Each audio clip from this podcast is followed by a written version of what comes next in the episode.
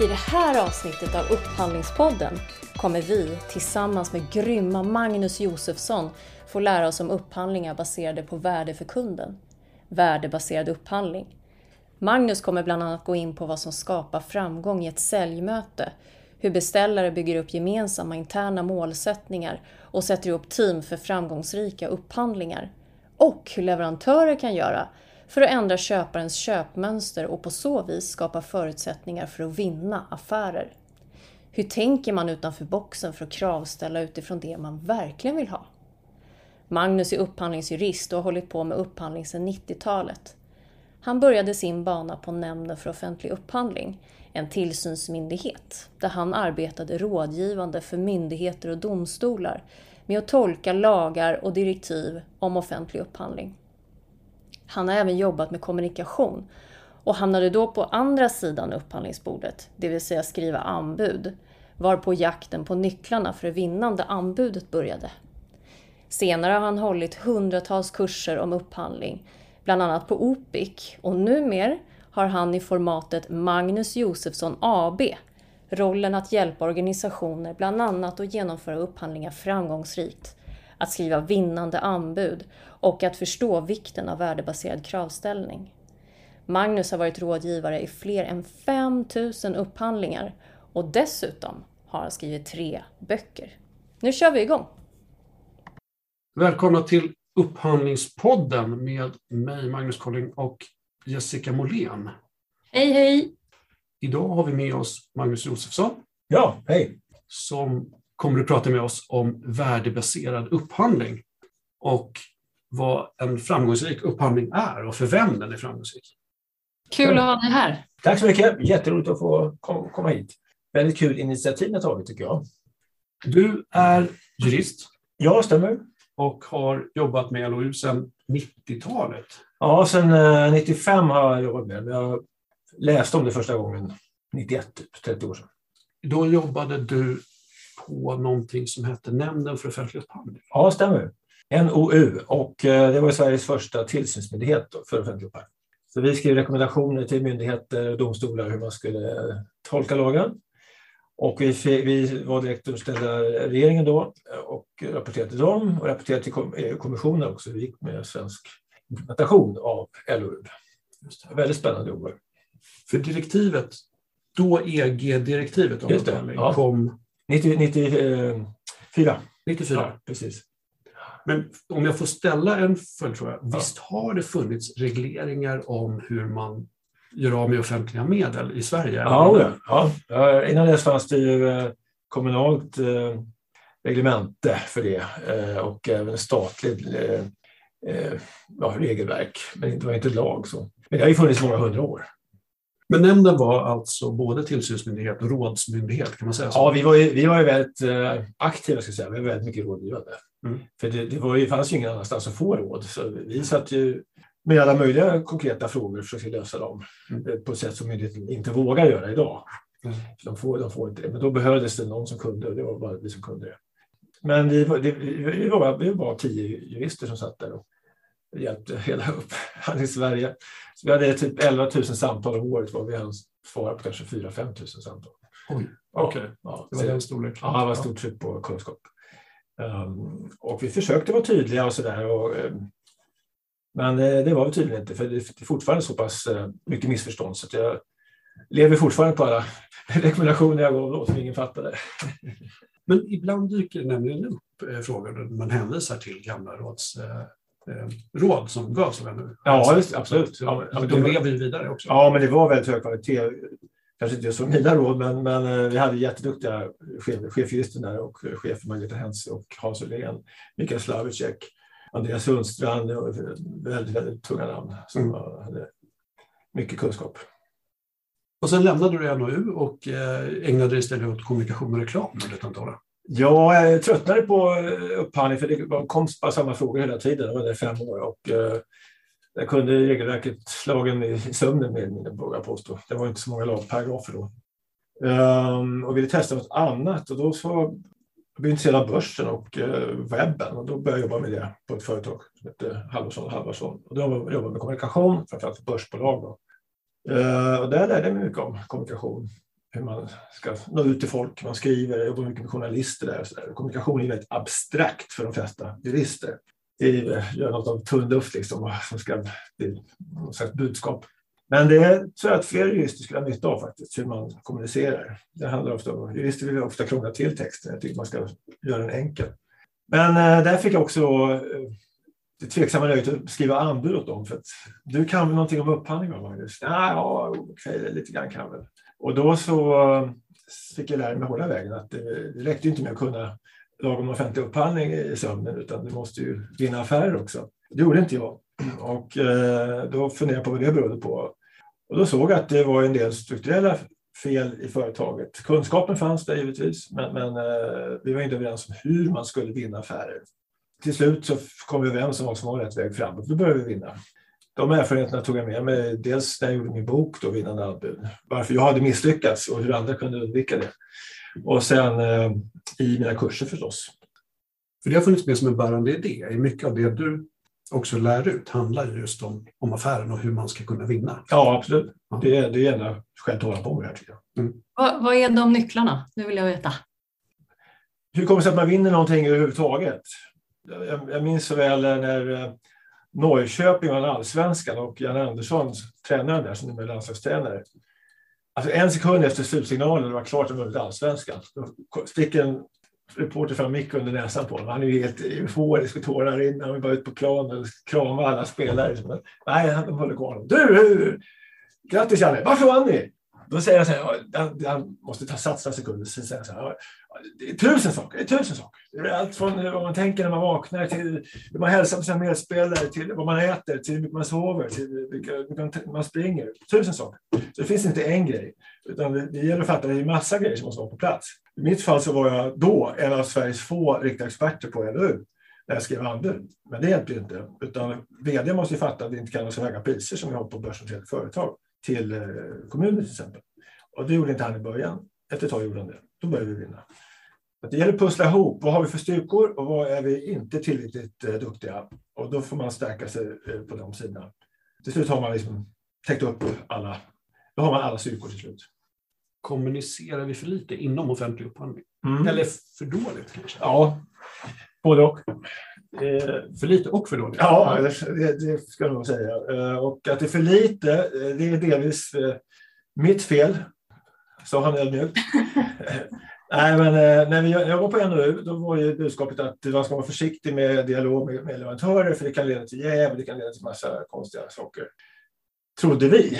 Vi hade ju aldrig gjort en upphandling och hade väldigt begränsad praktisk erfarenhet av upphandling. Men som jurister så vill vi bara ta, säga ta ingen risk. Det är juristens mantra, liksom, ta ingen risk. Men eh, det där tolkades som att man aldrig skulle träffa leverantörer. Och det var inte det vi menade riktigt. Men det byggdes, eh, blev snabbt en kultur i Sverige att leverantörer skulle man hålla på långt avstånd. Nu har det börjat bli eh, bättre, mycket bättre. Man har eh, ja, runda bordsamtal, RFIer och sånt där. Det är toppen. Eh, så att inställningen att man ska tala med varandra, den, den börjar bli bättre. Men vad säger man sen då? Ja, majoriteten av säljmötena, om vi nu kallar dem för det, skulle jag säga är bortkastad tid. Det beror på att Säljarna är för måna om att trycka in information om eh, produkter de råkar ha just nu eller tjänster de råkar ha just nu. Och eh, köparna har eh, kanske inte rätt frågor som de ställer eller har fel personer på mötena. Så att det, det blir inte så mycket av mötena. Alltså syftet med möten är att eh, om tre, fyra år ska bli en jättebra, ett jättebra samarbete med någon, ett bra avtal. Och det menar jag att de flesta möten inte leder till. Så det går att vara mycket mer konkret i, eller man måste vara mycket mer konkret i vad så att säga, det kommande avtalet ska leda till för nyttor. För tjänster kommer och går, personer kommer och går i organisationen. Men idén om vad som är en bra affär, den är mycket mer bestående. Den kan ju gälla i 10-20 år. Va? Att, eh, pratar man mer om sånt, då får man en längre eh, hållbarhet så att säga, i informationen och nyttan av mötet. Så vad ska man ställa för frågor som beställare? Eh, som beställare eh, så ska man... Eh, jag ska börja med att leverantören ska ställa frågor. För att, leverantören ska ställa frågan, vilket är ert största problem? Eh, och med det menar jag, vad är det som tar mest tid av er i onödan? Vad är det som kostar onödigt mycket pengar? Vad är det som får personalen eh, att sura till? Vad är det som gör att ni inte är en attraktiv arbetsgivare? Vad är det som ni tänker på irriterar er? Och det går alltså att mäta då, liksom pengar, tid och personal. Och så börjar man där och så ser man på vilket sätt just den här leverantören kan bidra till att lösa det problemet. Man kan inte lösa allt förstås. Men ett exempel. Om vi tar eh, laboratorier. Ja, vi tycker att, eh, vad är ert största problem? Ja, vi tycker att eh, det tar väldigt lång tid att få provresultat. Det kan ta två veckor att få det här. Ja, vad skulle ni vilja ha då? Ja, tänk om man kunde få det på en dag. Ja, eh, vi, vi absolut, det finns inte bara vi, utan många har möjlighet att, att förbättra en sån process. Men det, det kräver vissa saker av er som beställer och det kräver vissa saker av oss vad gäller både utrustning och kompetens. Men vi skulle över tid kunna skapa ett samarbete som definitivt snabbar upp den här processen ner till den dag. Eh, uh, jaha, vad bra. Hur, hur skulle det gå till då? Ja, här är några idéer. Ja, dit vill vi, säger kunden då. Då, då, då, då har de fått ett mål helt plötsligt. En vision och som är mätbar. Det är viktigt att man kan liksom konkret se vad det kan bli. Och sen när man analyserat vad, vad, som, vilka möjligheterna är. Då måste man också titta på vilka hindren är. Vad kan hindra oss för att nå detta? Och då är nästa fråga, ja, det är frågan, vad kan hindra er? Och, och vad kan man göra åt det? Då? Och det hinder som ofta finns, det är inte kompetens eller pengar eller tid, utan det är människor. Människor som inte vill ha förändring, människor som har, vill ha en annan sorts förändring, vi ska inte ha Microsoft, vi ska Apple, eller vi ska inte Apple, vi ska Microsoft, vad det kan vara. Förutbestämda åsikter mm. hos den som ja. ska köpa någonting ja. eller göra någonting. Ja, det är väldigt bra uttryckt, förutbestämda åsikter. Man ska ha så lite förutbestämda åsikter som möjligt faktiskt, utom vad man vill ha. Men hur ofta vågar man ha den diskussionen? Jag tänker att det finns lite olika skäl till det. Mm. Som köpare kanske oron för att sprida sina inte så formulerade idéer mm. ute på en marknad. Mm. Och som säljare kanske också idén om att man bevakar sin konkurrensfördel. Mm. Kan det stämma? Eller, alltså, ja, hur ofta har man det här liksom, värdeskapande säljmötet? Liksom, jag har inte mer än någon gång kanske träffat någon som kommer och ställer de här frågorna till mig som, som köparorganisation. Utan man säger så här att ni är ju så stor verksamhet och ni är så duktiga på det här. Det är inga konstigheter. Så vi räknar med att, att, att det här är en schysst process. Just det. Så, men ja. inte så mycket om världen. Nu hoppas jag att många leverantörer hörde av du sa, Magnus. Du är ju jätteerfaren. Hur länge har du på med på det? Inte lika länge som du. Nej, men det, det har jag inte. Eh, jag har jobbat med offentlig upphandling sedan 2004. Då. Ja, så det, det, är länge, 15 ja, år. det är länge. Alltså, du är på ganska tunga roller. Och, och att du säger att jag aldrig hört dig säga vad blir för problem. Det är ju katastrof. Det är ju total bakläxa till alla leverantörer som hör det här. För att, eh, om man inte förstår att man som leverantör ska lösa problem hos kunden, då, eh, ja, då kan man inte jobba med värdebaserad försäljning. Då kan man inte hjälpa kunden att köpa ett värde.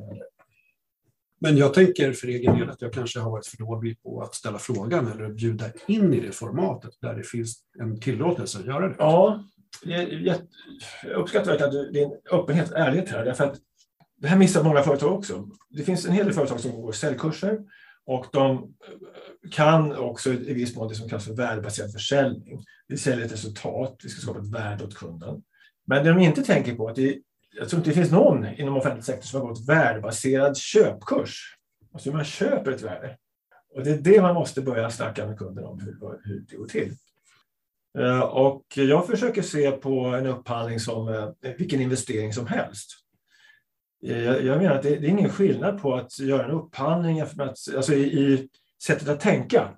Sättet att tänka ska inte vara någon skillnad på att köpa en, göra en upphandling efter att köpa en aktie. Eh, en aktie är också, det är, då tänker man direkt investering. Vad vill man att en aktie ska göra? Jo, en aktie den ska stiga i värde över tid och den ska ge direktavkastning.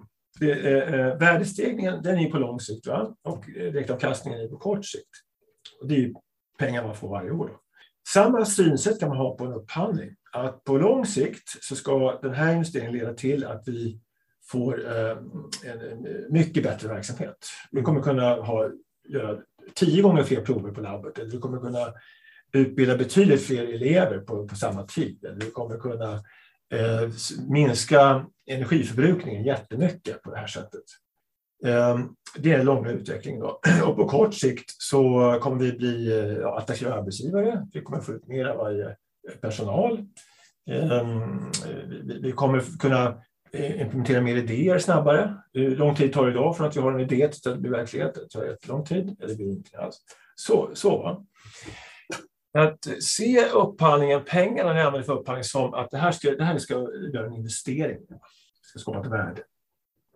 Men om man nu har en, eh, en förändring på gång här då, man, man hör att ja, men för att eh, vi ska kunna leverera det här som er leverantör på ett bra sätt så måste ni som beställare kunna anpassa er på det här viset. Mm, mm. Och då måste man ju som organisation, som du nämnde, vara lite förändringsbenägen. Mm. Hur hjälper man sin organisation att bli det? Att vara mera open-minded och tänka nytt för att komma på rätt spår? Mm. Eh, om vi talar om det som ni eh, jobbar och kan mycket om, eh, fastigheter till exempel. Så eh, ja, det, det, finns ju gott om företag, jätteduktiga företag som kan bygga fantastiska fastigheter och hus och renovera. Det är ju liksom ingen brist på duktiga leverantörer. Delar ni den uppfattningen? Ja, absolut. Nej, ja. det finns ju, de är ju jätteduktiga där ute. Ja, ja, absolut. Så att ni kan känna er trygga i att vad, vad ni än önskar egentligen så kommer ni kunna få ett bra resultat. Va? Uh, det vi pratar om nu det är ju vägen dit. Hur ska vägen till det här fantastiska resultatet se ut? Det är där många går fel, för att de börjar med lägsta prisupphandlingar till exempel. Då. Uh, och inom bygg, okej, okay, där är det så himla eh, reglerat, det finns mycket standarder och, och sånt, så att det är väl mindre risk att, säga, att ta lägsta prisalternativet där.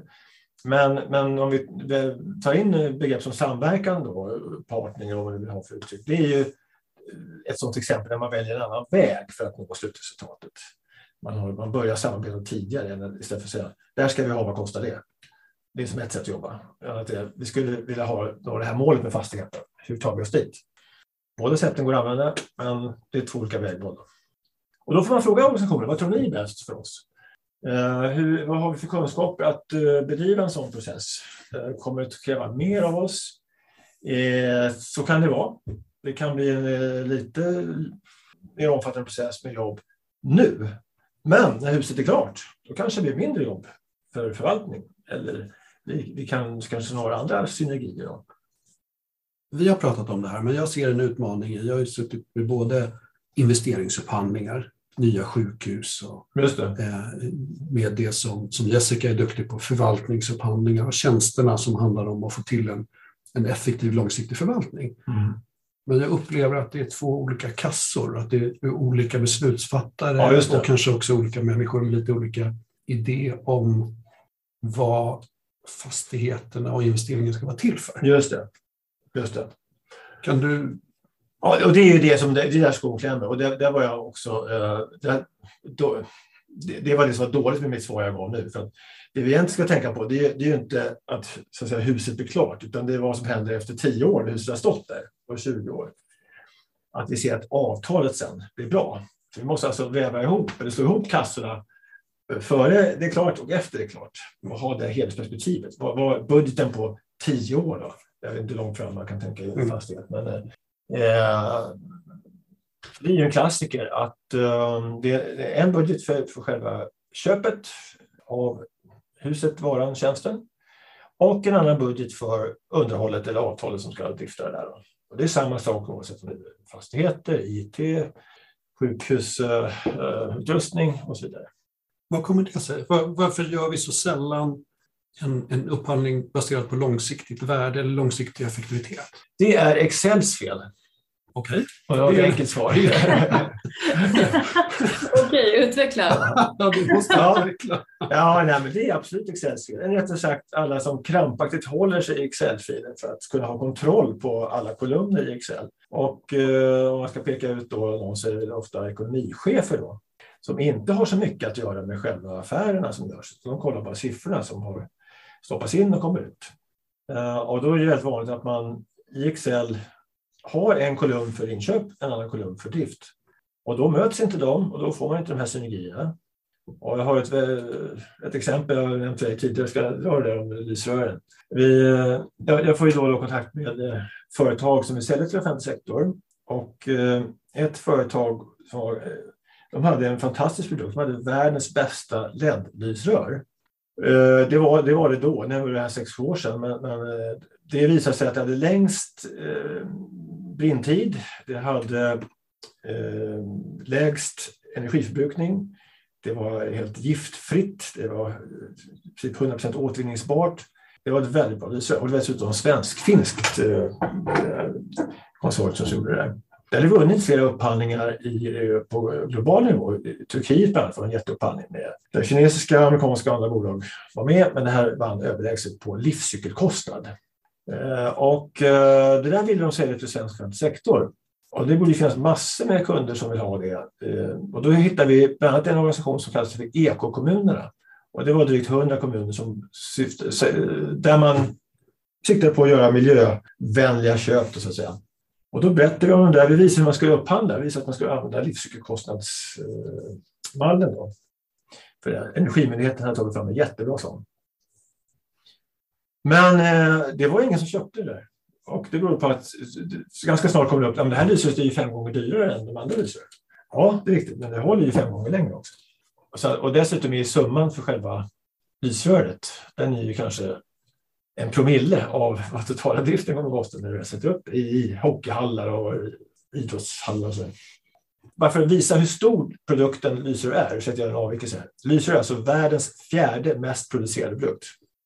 Världens fjärde mest producerade produkt efter toalettpapper, knivar och gafflar. Ja, eh, så, att, så stor är den marknaden. Vi sitter just nu under Lyser.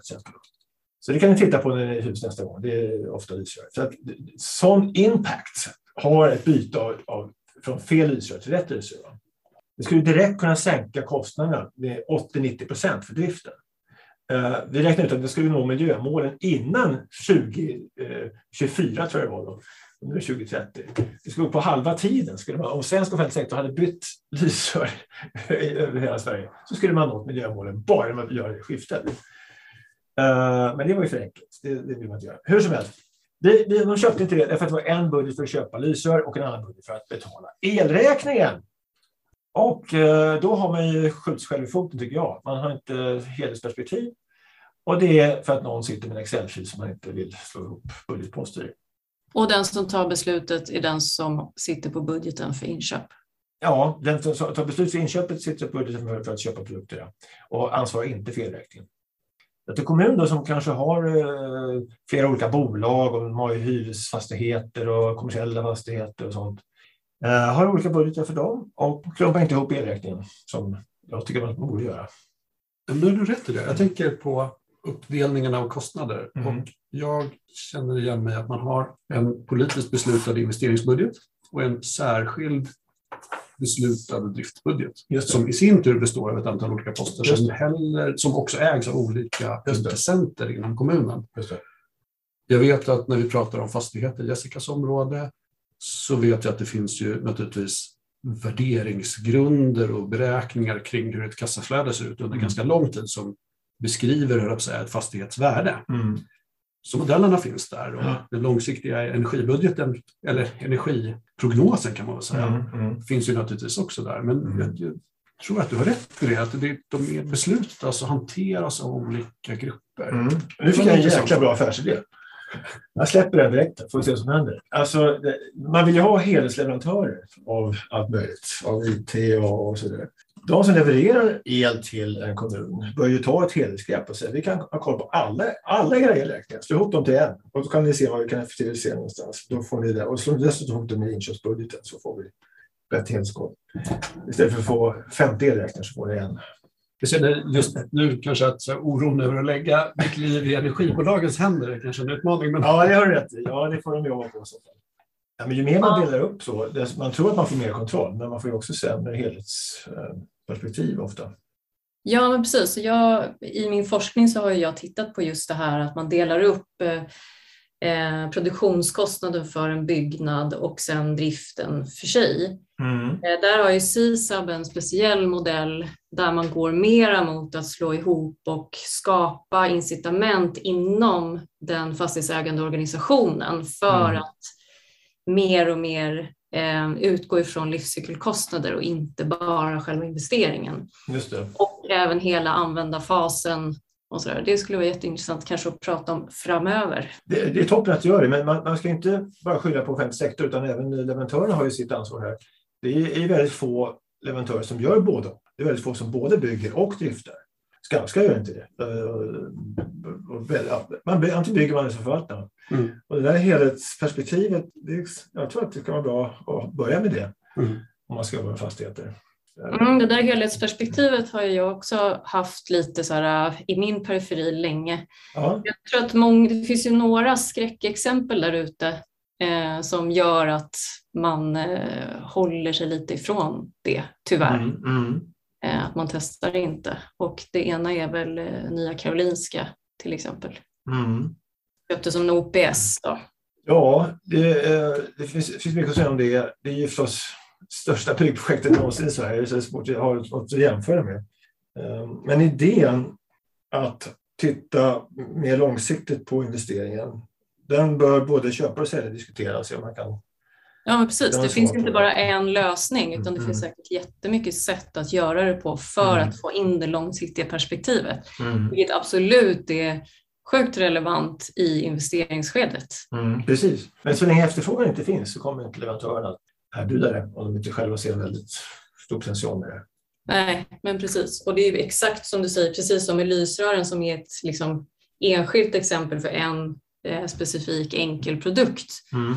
Men för en, en byggnad så är det ju en ganska komplex pro produkt, eh, jättestor investering och en väldigt, väldigt lång livscykel. Mm. Eh, och där är ju investeringskostnaden är ju en väldigt liten del av den totala kostnaden över tid.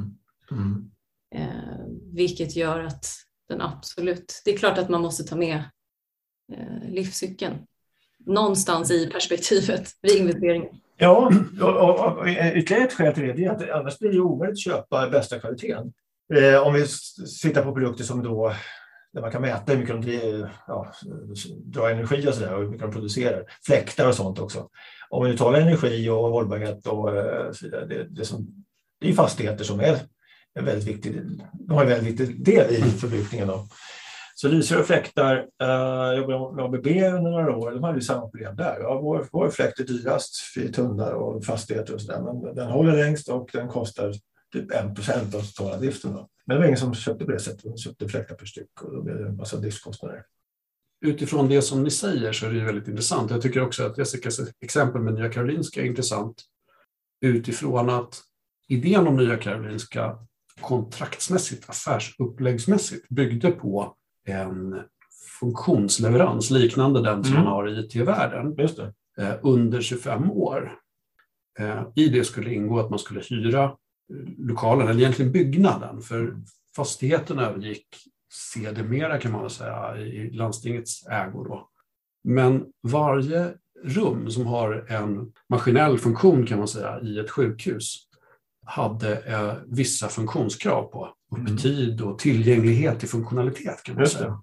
Så att idémässigt så fanns det nog en ganska, det var ju så otroligt komplext precis som du är inne mm. på, så, så mm. fanns det en idé om en långsiktighet i det där som man inte skulle kunna bygga och lämna över. Mm.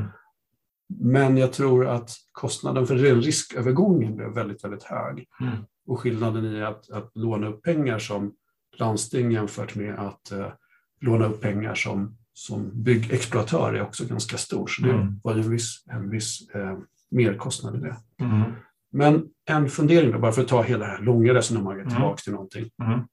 För mig som upphandlare eller som upphandlande verksamhet så får jag ibland feedbacken från leverantörssidan att det är ju ni som är arkitekterna, det är ni som ritar affärsuppläggen. Mm. Eh, och eh, att vi då är lite för, för, smala i det. Vi, har, vi, ställer frågan till våra upplevda beställare internt i organisationen och det blir ett ganska enkelt svar. Mm. Och att vi därför blir lite för kortsiktiga. Mm. Så jag, jag, tror på din eh, historiebeskrivning. Det finns ju ett antal andra problemområden. Vi pratar om just fastighetsexploatering och överlämnande och pratar man om ett innehavsperspektiv eh, som är väldigt långt, eh, långsiktiga bostads förvaltare skulle man kunna tänka sig på. Det mm. finns några privata aktörer till exempel mm. som bygger för en väldigt långsiktig förvaltning och långsiktigt ägande.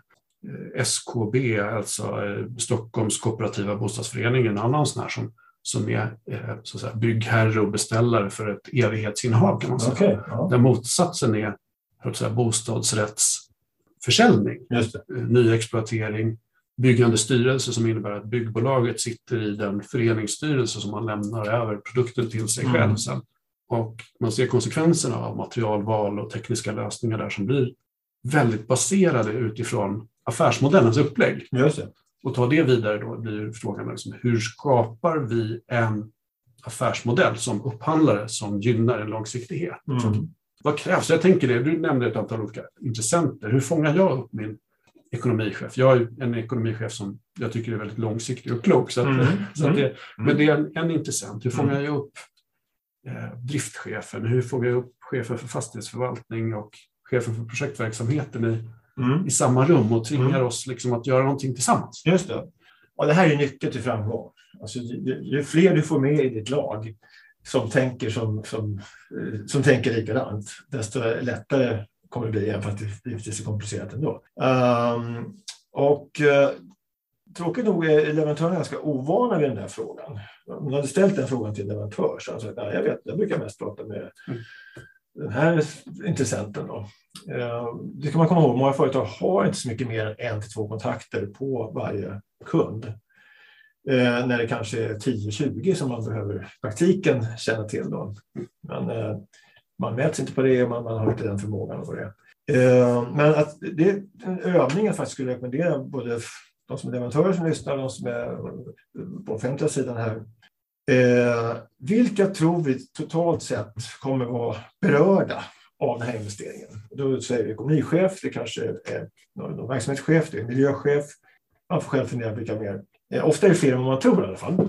Och eh, hur, sen är nästa fråga, hur kan de få en nytta eller någon slags eh, ära av resultatet i det som vi gör här? Och då, kan, då ser man ganska snart att de flesta kan hitta någon godisbit i en upphandling. Um, vi tar miljö då, som är väldigt, väldigt eh, ropet och hållbarhet och så. Varje byggprojekt vill man ju ska ha någon miljövinkling då. Men eh, det är inte alltid man ser att miljöchefen kan liksom räkna hem och säga titta, det här har jag gjort som har lett till en ökad hållbarhet i de här byggprojekten. Eh, blir man bättre på det som leverantör, visa hej hållbarhetschef, det här är din så att säga, godisbit i projektet. Hej ekonomichef, det här är din godisbit och så vidare. Hej, hej politiker, det här är din godisbit. Då, då får man mycket större kraft, då får man en starkare motor så att säga i hela projektet. Alla går åt samma, eller så många som möjligt går åt samma håll. Och ja, jag ska ta ett exempel. Ehm, jag hade ett uppdrag för några år sedan. Det var en kommun som ringde och sa vi har fattat beslutet att växa med 50 procent på tio år. Hur ska vi då upphandla bygg så att vi får det verkligen, ja, så att det blir verklighet? Sådana frågor älskar jag. Det är, det är problemlösning så att, uh, med upphandling. Och då kom vi fram till att ja, de, ska, de ska ha en samverkan. De behöver en partner över tio år som bygger den takt som behövs. Bostäder, skolor och äldreboenden och så. Uh, men vi behöver också en långsiktig förankring hos de viktigaste parterna som var politiker, ekonomer och lite andra. Eh, och då sätter vi upp mätetal för varje sån grupp. Då. Så att oavsett om det är fem år framåt eller sju år framåt så har man samma mätetal. Man mäter framgång på samma sätt. Då blir det mycket lättare att få den här långsiktigheten. Har, en, har den typen av mätetal eller värdetal, har de en möjlighet att överleva en politisk miljö som kan ju förändras, eller så här, det var fjärde år, så Just kan det. man ju få en ny inriktning. Liksom. Ja, det var just Hur, därför hur vi, säkrar man det? ja, just det, det var just därför vi införde de här mätetalen. För att eh, över en sån lång period så kommer kanske politiska majoriteten ändras och så vidare. Och, ja, det är inte samma människor alls kanske om tio år som idag. Då. Och, så är det i, alla de här avtalen som är längre. Det, blir är fler och fler långa avtal idag i Sverige. Eh, för att sådana ska överleva och fungera som det är tänkt så måste man ha tydliga mätetal som så att säga går i arv till den som tar över. Uh, och uh, så man säger så här, ja, bara så du vet, oavsett vad som köps in i de här projekten så mäts miljön på det här sättet, eller hållbarheten på det här sättet. Uh, ja, vi, vi, har, vi har vissa så här kvalitetsmätetal. Det är de här. Så att man gör det ganska enkelt för efterträdarna. Det låter som något som är enklare att förankra politiskt och, Ja. och förhålla sig till också över en tid. Ja, så ska man hålla, tänka i så långa cykler, då måste det vara enkelt. Mm. Och både för, för första generationen att fatta och för andra generationen att ta över. förstå hur man gör och varför man gör det. Varför är det här viktigt? Nämnde, när vi pratade tidigare så nämnde du kundbegreppet. Ja. Mm. Och bland alla de här intressenterna så sa du också att det, kundbegreppet är centralt. Mm. Det, det, är viktigt att identifiera vem som är kund. Mm. Vem är kund? Mm. Det är märkligt hur sällan den frågan diskuteras i eh, upphandlingar faktiskt. Och jag brukar ställa den när jag själv upphandlar uh, i gruppen man sitter med. Ofta har man aldrig träffat folk tidigare. Då. Uh, Hej allihopa, vem är kund här? Nej, men, eh, då ser man ofta en lätt förvirring. Ja, men vi bestämmer tillsammans, här, här är konsensus och alla andra tycker lika. Och så där. Men eh, det här är väldigt viktigt att ha med i hela processen. I varje affär oavsett om du gör en privat eller om du gör en upphandling så finns det tre stycken roller kan man säga. Eh, och den första är att det finns en kund. Det andra är att det finns påverkare och det tredje är att det finns användare. Kunden är den som betalar, alltså den som har fått pengar för att köpa någonting. Och i, i offentliga världen så, kan, så är det ofta en verksamhetschef av något slag, eller projektchef. Men alltså den som har en påse pengar vars, och den pengapåsen blir mindre och mindre ju fler fakturor som kommer. Det, måste, det är en person vi letar efter här. Och då är det så att den, om, om vi ser lite, det blir lätt så att man, man får generalisera i den här typen av samtal. Eh, men, men, generellt sett så är det ofta verksamhetschefer som väljer att inte vara, vara så aktiva i upphandlingen. De delegerar eh, upphandlingen till till exempel inköp, då, upphandlingsavdelningen. Och det är på ett sätt positivt, det sätter man stort förtroende för upphandlingsavdelningen som kämpar på med alla sina upphandlingar. Men det visar också att man inte förstår att eh, hur, var, var, gränsen så att säga, för upphandlingsavdelningen går vad gäller kunskap och förmåga. Och upphandlingsavdelningen kan inte kunna allting. Man alltid brukar säga det är toalettpapper ena dagen, vitsystem andra dagen och konsulter till dagen. Man blir aldrig expert på allting sånt. Utan verksamhetschefen måste engagera sig. För de här pengarna som man nu investerar, de kommer försvinna oavsett om du är engagerad eller om du inte är engagerad. Oavsett, oavsett om du blir nöjd med investeringen eller jättemissnöjd med investeringen så kommer pengarna försvinna. Vad vill du vara? Vill du vara jättenöjd eller vill du vara jättemissnöjd? Och ju mer engagerad desto mer nöjd kommer du vara med din investering. Mm. Alltså kundens roll är jätteviktig i att, att, att, att få dig engagerad. Så fundera på om du är möjlig kund eller vem som är kund i era affärer. Runt sig har sedan kunden påverkare och det kan vara vem som helst. Alla som tycker någonting eh, om hur en affär borde göras, hur mycket pengar som borde läggas och vad som är viktigt, vilket krav som är viktigt. Så det är både alla från egna organisationen och alla utanför som leverantörer till exempel. Eh, och tittar vi på områden som, som eh, bostäder, och då har du hyresgäster som också är påverkade och så vidare. Mm, medborgarna. Och då är det svårare för den som sitter och är kund och funderar på vem ska få påverka mest? Eh, och det blir ännu svårare för upphandlaren om, om, om, om eh, kunden delegerar till upphandlingsavdelningen och säger gör det här nu, då, då kommer de också höra en massa viljor då som ska uppfyllas från politisk nivå ner till användarnivå. Vem ska få påverka mest? Och då är det, eh, rekommenderar jag att man tänker att ja, kunden ska påverka mest.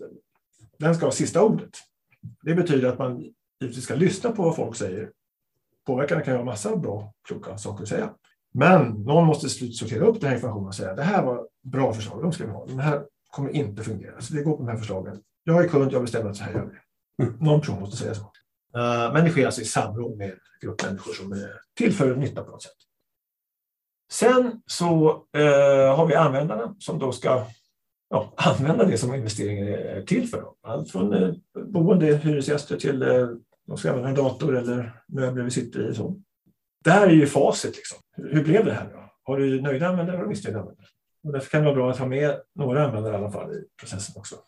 Blir upphandlarens roll då att facilitera det här eller vara den som är sekreterare i det eller att vara, mm. moderera fram formuleringen av kundbehoven, eller hur? Just det, Vad ja. tänker du om upphandlarens roll? Då? Bra, det var väldigt viktigt in här. Ja, upphandlarens roll, eh, tänker man så här som jag sa, att kunden är som betalar, då vänder man på ansvaret och eh, arbetsfördelningen.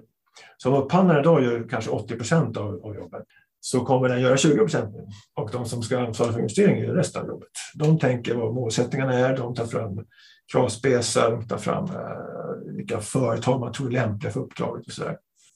Upphandlingens är att, att eh, vara alltså ganska fotbollsdomare. inte vara med och spela så mycket utan springa längs linjen eller och titta och kan säga till det där var inte så bra. Så får man göra. Men jag vill ändå ge rådet att vara ganska, eh, eh inte så mycket i vägen. Utan låta folk göra det de kan och vill. Och sen när de kommer med någon slags första förslag, 1.0, då går man igenom det. Så, ja, men det här, hur tänker ni där? Hur tänker ni där? Eh, många upphandlare märker jag eh, jag sitter ju ofta på köparsidan och, och då ibland kommer in upphandlare från höger och vänster och säger så här kan man inte göra, det förstår inte jag. Så Nej, det är för att du har inte varit med från början. Men jag ska gärna förklara hur vi tänker här. Eh, och, och, lita på att de som köper vet vad resultatet, vad de vill ha för resultat. Vet man bara det, då har man jättemycket vunnet. Eh, sen går det alltid att hitta små detaljer som man kan tycka är inte transparenta och så vidare. Men då är det viktigt att fråga, förstår ni vad det står här? Kan, om någon frågar er vad det här betyder, kan ni förklara det då? Ja, det kan vi. Bra, då är det transparent för er i alla fall. Mm. Upphandlaren måste inte förstå allting. Det viktigaste är att det finns någon som förstår det. när jag kommer in i upphandlingar av stora IT-projekt eller bygger och så vidare, jag kan ju knappt få igång datorn. Liksom. Jag kan ju jättelite om IT. Men det finns folk där som kan det. Mm. Så det gäller att förstå sin roll i gruppen. Så det är som ett fotbollslag ungefär. Om du snackar tillbaka till mm. fotbollen här. Att, att upphandla, det finns målvakter, det finns backar, mittfält, anfall. Alla har sin roll. Samma sak i upphandling. Du måste ha ett team som gör rätt, när man gör sin sak i teamet. Och vi har idag situationer där många upphandlare är som en målvakt liksom, i ett fotbollslag. Då står det så här, du är målvakt, målvakt, du vaktar mål, du ska inte släppa in några mål. Det står på ditt, din rollbeskrivning, yrkesbeskrivning. Och så säger man till upphandlaren också, du, du jag, har, jag har en miljard jag ska köpa någonting för, du är upphandlare, kan du se till att köpa för det? Så, så, men, men gör rätt nu, släpp inte några mål utan det måste bli korrekt. Ja visst, säger hon. Hej då, lycka till, se till att det är klart. Det är lika smart som att säga till den här målvakten, du, du är ju målvakt, nu är det Champions League-final här. Så du måste ju vara en av världens bästa målvakter. Vi litar på dig. Eh, kämpa på nu så sitter vi i övriga laget på läktaren och tittar på matchen. För man vill ju inte missa en Champions League-final. Liksom. Och även om, även om det är som världens bästa mål så kommer de förstås förlora. För han har inte hela laget med sig. Att, ja, man kan ha världens bästa upphandlare, men de kommer ändå inte få affären helt bra om de är helt ensamma. Nej, så är det ju. Vi har ju vi har diskuterat tidigare i ett eh, samtal på Clubhouse om eh, att olika upphandlare gör olika mycket. Alltså beroende på vad, vilken typ av upphandlingsobjekt man handlar upp, vilken kategori man är inom. Mm. Till exempel bygg handlar man upp på ett visst sätt som upphandlare och inom drift så är man mer i kanske de strategiska delarna och skriver mycket större del av de tekniska specifikationerna och så där. Mycket mer själv i hela eh, projektet kring själva upphandlingen. Mm. Så man blir inte så mycket bara upphandlare utan det är mycket mera projektledning ungefär ja, ett avtal i hand. Men vad tror du att det beror på då? Att det är så? Det finns inga pengar, eller leverantören ser inga pengar i att jobba på något annat sätt. Finns det en efterfrågan på något annat så kommer leverantören att följa det. Det är på ett sätt ett logiskt sätt att tänka att eh, först bygger vi och sen driftar vi. Det är som lite olika människor. Man har lite olika läggning också. Så folk som bygger har en viss läggning, folk som driftar har en annan läggning. Men om någon skulle säga, och det är också, också svårt att planera tio år framåt för någon som fattar beslut. Men den som skulle våga och ha förmåga att göra en sån längre process, den skulle, den skulle röra, röra om kan jag säga, på leverantörsmarknaden. Den skulle väcka nya idéer hos dem och de skulle börja titta på hur mycket kan man tjäna på detta. Och till slut skulle man kanske komma fram till någonting. Jag skulle säga att börja ta en dialog med leverantörerna och, och se hur de tänker runt detta, vad de för idéer. Jag har jobbat med 500-600 företag och myndigheter och det finns inte ett problem som inte går att lösa. Ska jag säga. Jag är enormt imponerad över kunskapen som finns i Sverige, både på köpare och säljarsidan. Eh, det finns så mycket kreativitet, innovationskraft, kunskap, men den släpps inte fri liksom, för att man vågar inte ha de här resonemangen eller testa nya grejer. Men jag är övertygad om att den här frågan ska kunna lösas också med mer dialog. Det kan vi kanske ha en seminarium. Absolut. Det låter, som, det låter som att det finns andra utmaningar än den reda affären. Alltså affärsanalysen måste till. Eh, juridiken börjar vi kunna. Den är ja, ja, ja. mer och mer komplicerad förstås. Eh, men det låter som en ledarskapsutmaning. Ja, det, ja, ja, ja, ja. fri kreativitet ja, och liksom de bitarna. Tack för att du säger det. Eh, det glömde jag säga också. Vi har kunskap, vi har pengar. Så vi har massor med pengar i Sverige. Det, finns, det är inte ledarskap Det är en ledarskapsfråga. Vad vill ledningen eh, med sina fastigheter eller med sina investeringar? Nu, har en kommun, nu får de här kommunen de här pengarna av sina medborgare. Hur, vad har vi för idé om hur de ska förvaltas på bästa sätt? Hur kan vi skapa bästa möjliga investering? Det är den det ledarskapet som man efterlyser. Och det låter som någonting som behöver vara en utvecklingsresa. För mm. Jag har svårt att se att vi skulle så att säga, byta ut alla och säga att vi har ett nytt ledarskap imorgon. Men det behövs mycket mer inslag av kreativitet. Och du var också inne på att de olika grupperna behöver hitta lite slarvigt någon form av belöning. Liksom. Ja, just det. Och då kan man ju fundera på, är liksom gynnas? Och jag är inte ute efter incitament eller eh, vad kallar man det för, säga, ekonomiska incitament Nej, för egen del, utan jag är mer ute efter Finns det en beslutsmiljö eller finns det något som gynnar att vara kreativ och mm. framåtlutad snarare än att vara orolig för att göra fel? Det där Just det. På lite. Ja. Det, alltså, allt det där finns redan, märkligt nog. Så titta i vilken kommuns, jag säger kommuner men mer i landsting, jag menar statliga verksamheter också. Ehm, titta i deras årsredovisningar, titta på deras hemsidor. Vad står det på första sidan? Där? Vår vision är att, våra mål är de här. Vi vill bli den här sorts kommun, vi vill bli en attraktiv kommun, vi vill vara en hållbar kommun och så vidare.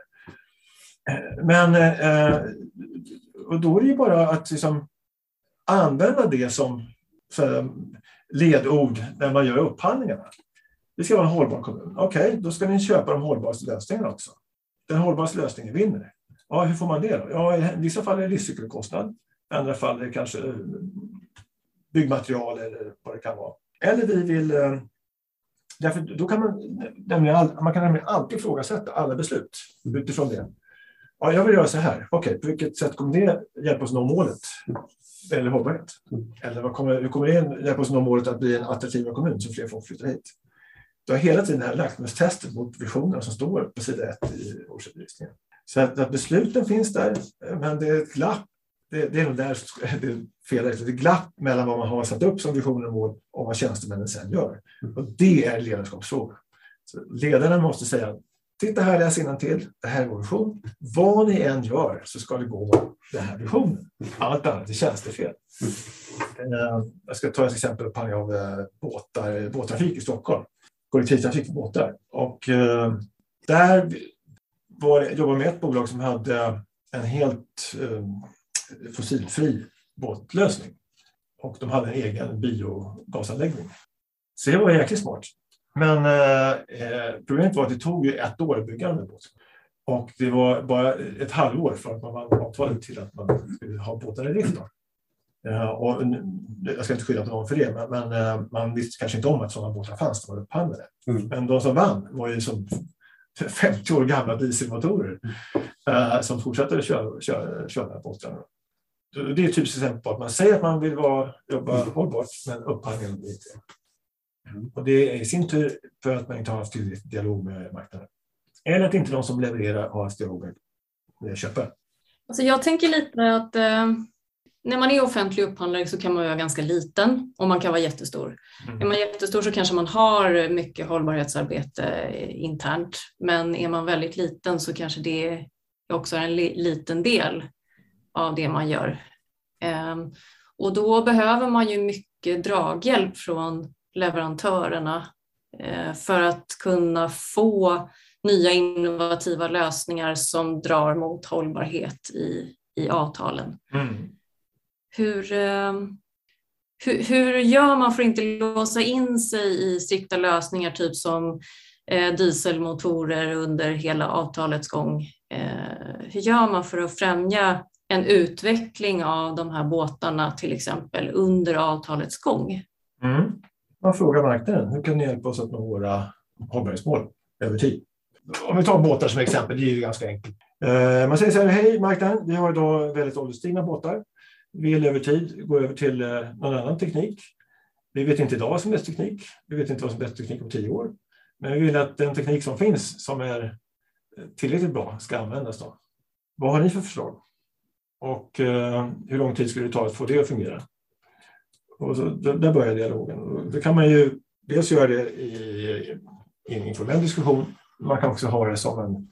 Eh, det kan förstå i förfrågningsunderlaget. Då.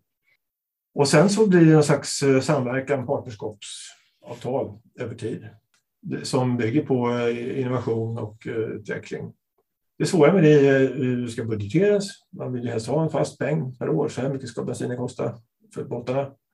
Som jag sa nyss, det finns pengar. Det är bara att de är stoppade i olika Excel-kolumner. Så börjar man titta på vilka Excel-kolumner som skulle kunna eh, slås ihop så finns det massor med pengar. Som i Stockholm till exempel, det var några år sedan jag tittade, men för några år sedan i alla fall över en miljard i miljöprojektskassa. Eh, som jag inte vet hur den används, ska jag säga. Men, men det finns pengar lite överallt om man tänker lite större.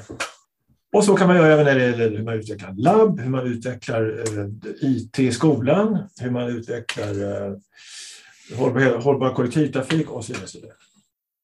Ja, precis. Och då i någon typ av samverkan så behöver ju beställaren behöver ha koll på sina pengar. Mm. Och så kan man jobba fram under avtalets gång tillsammans med leverantören fram en kostnadskalkyl för eh, det här nya som, mm. som man inte vet idag finns. Just det, just det. Och om man då känner att ja, men jag har ingen koll på offentlig ekonomi, det kan gälla både den som sitter på köparsidan och säljarsidan. Då är ett tips att en controller från eh, kommunen till exempel. Då. De har ju jäkligt bra koll på sånt. Och eh, jag är så förvånad över att controllers inte tas in innan upphandlingarna. För de kan ju ta fram då vad som är rätt kassa eller vad som är rätt eh, mätetal. De tas ofta in efter att upphandlingen det har gått några år. Så kommer de in och säger att det var jävla dåligt, det skulle jag inte ha gjort.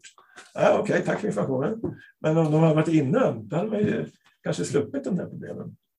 Kontroller är en väldigt underutnyttjad resurs inom upphandling. Och jag, jag, vet att de, jag höll ett föredrag för eh, uh, en kontroll för några år sedan. De var lika förvånade som jag varför vi inte var inblandade. Jag, jag, jag ser sällan controllers. Jag, jag var på en konferens, det var för controllers. Jag skulle hålla till en kvart där. Och då, jag brukar alltid vara lite tidigare, så jag satt och lyssnade några timmar där och hörde ena fan mest, jättebra efter det andra som hon sa. Och då frågade jag hade mitt varför är det inte med upphandlingar ofta? Ja, upphandling, vad, vad skulle vara det för? Men där, där har vi en stor resurs. Outnyttjad. Ja, verkligen. Bra, då är ju också de människorna som både behärskar Excelen och förstår verksamheten. Exakt. Jag tycker det låter mycket bra. Ja. Och så kan man ha det här helhetsperspektivet som inte ansvarar för enskilda kassor heller. Värdebaserad upphandling, kan du berätta vad det är? Ja, jag vill börja med att definiera ordet värde som man hör titt som tätt. Det står ju ofta i en del, en del utvärderingar också, mervärden ska man leverera. Vad är ett värde? Värde är skillnaden på... Eh, no, eh, värdet skapas över en tid. Skillnaden på någonting över tid. Det kan vara skillnad på att göra någonting och att inte göra någonting. Det kan vara skillnad på att göra någonting rätt och att göra någonting fel. Om jag köper en aktie, om jag liksom lånar 10 000 kronor och så köper jag en aktie, aktie för 10 000 kronor. Då har jag inte blivit rikare på något sätt. Jag har ett, ett lån och en skuld på 10 000. Utan det är först när aktien börjar stiga i värde som pengarna kommer in. Och det sker ju över tid. Och det är samma sak med värdebaserat köpa vad som helst. Över tid ska det skapas ett värde. Det är därför jag man jämför och ska jämföra upphandling med investering. Så det är värde, någonting som skapas över tid. Och det beror på vad man mäter för värde. Ofta är det tid, pengar, personalanvändning. Och värdebaserad upphandling är att man sätter upp ett mål med någonting. Målet med vår upphandling är att växa med, 10, med 50 procent över tio år eller att få en ökad digitalisering av undervisning i skolan. Eh, är att öka antalet labbtester över tid. Är att få fler patienter som strömmar igenom sjukvården på samma, för samma peng. Ehm, ja, det finns mängder med sätt att titta på värden.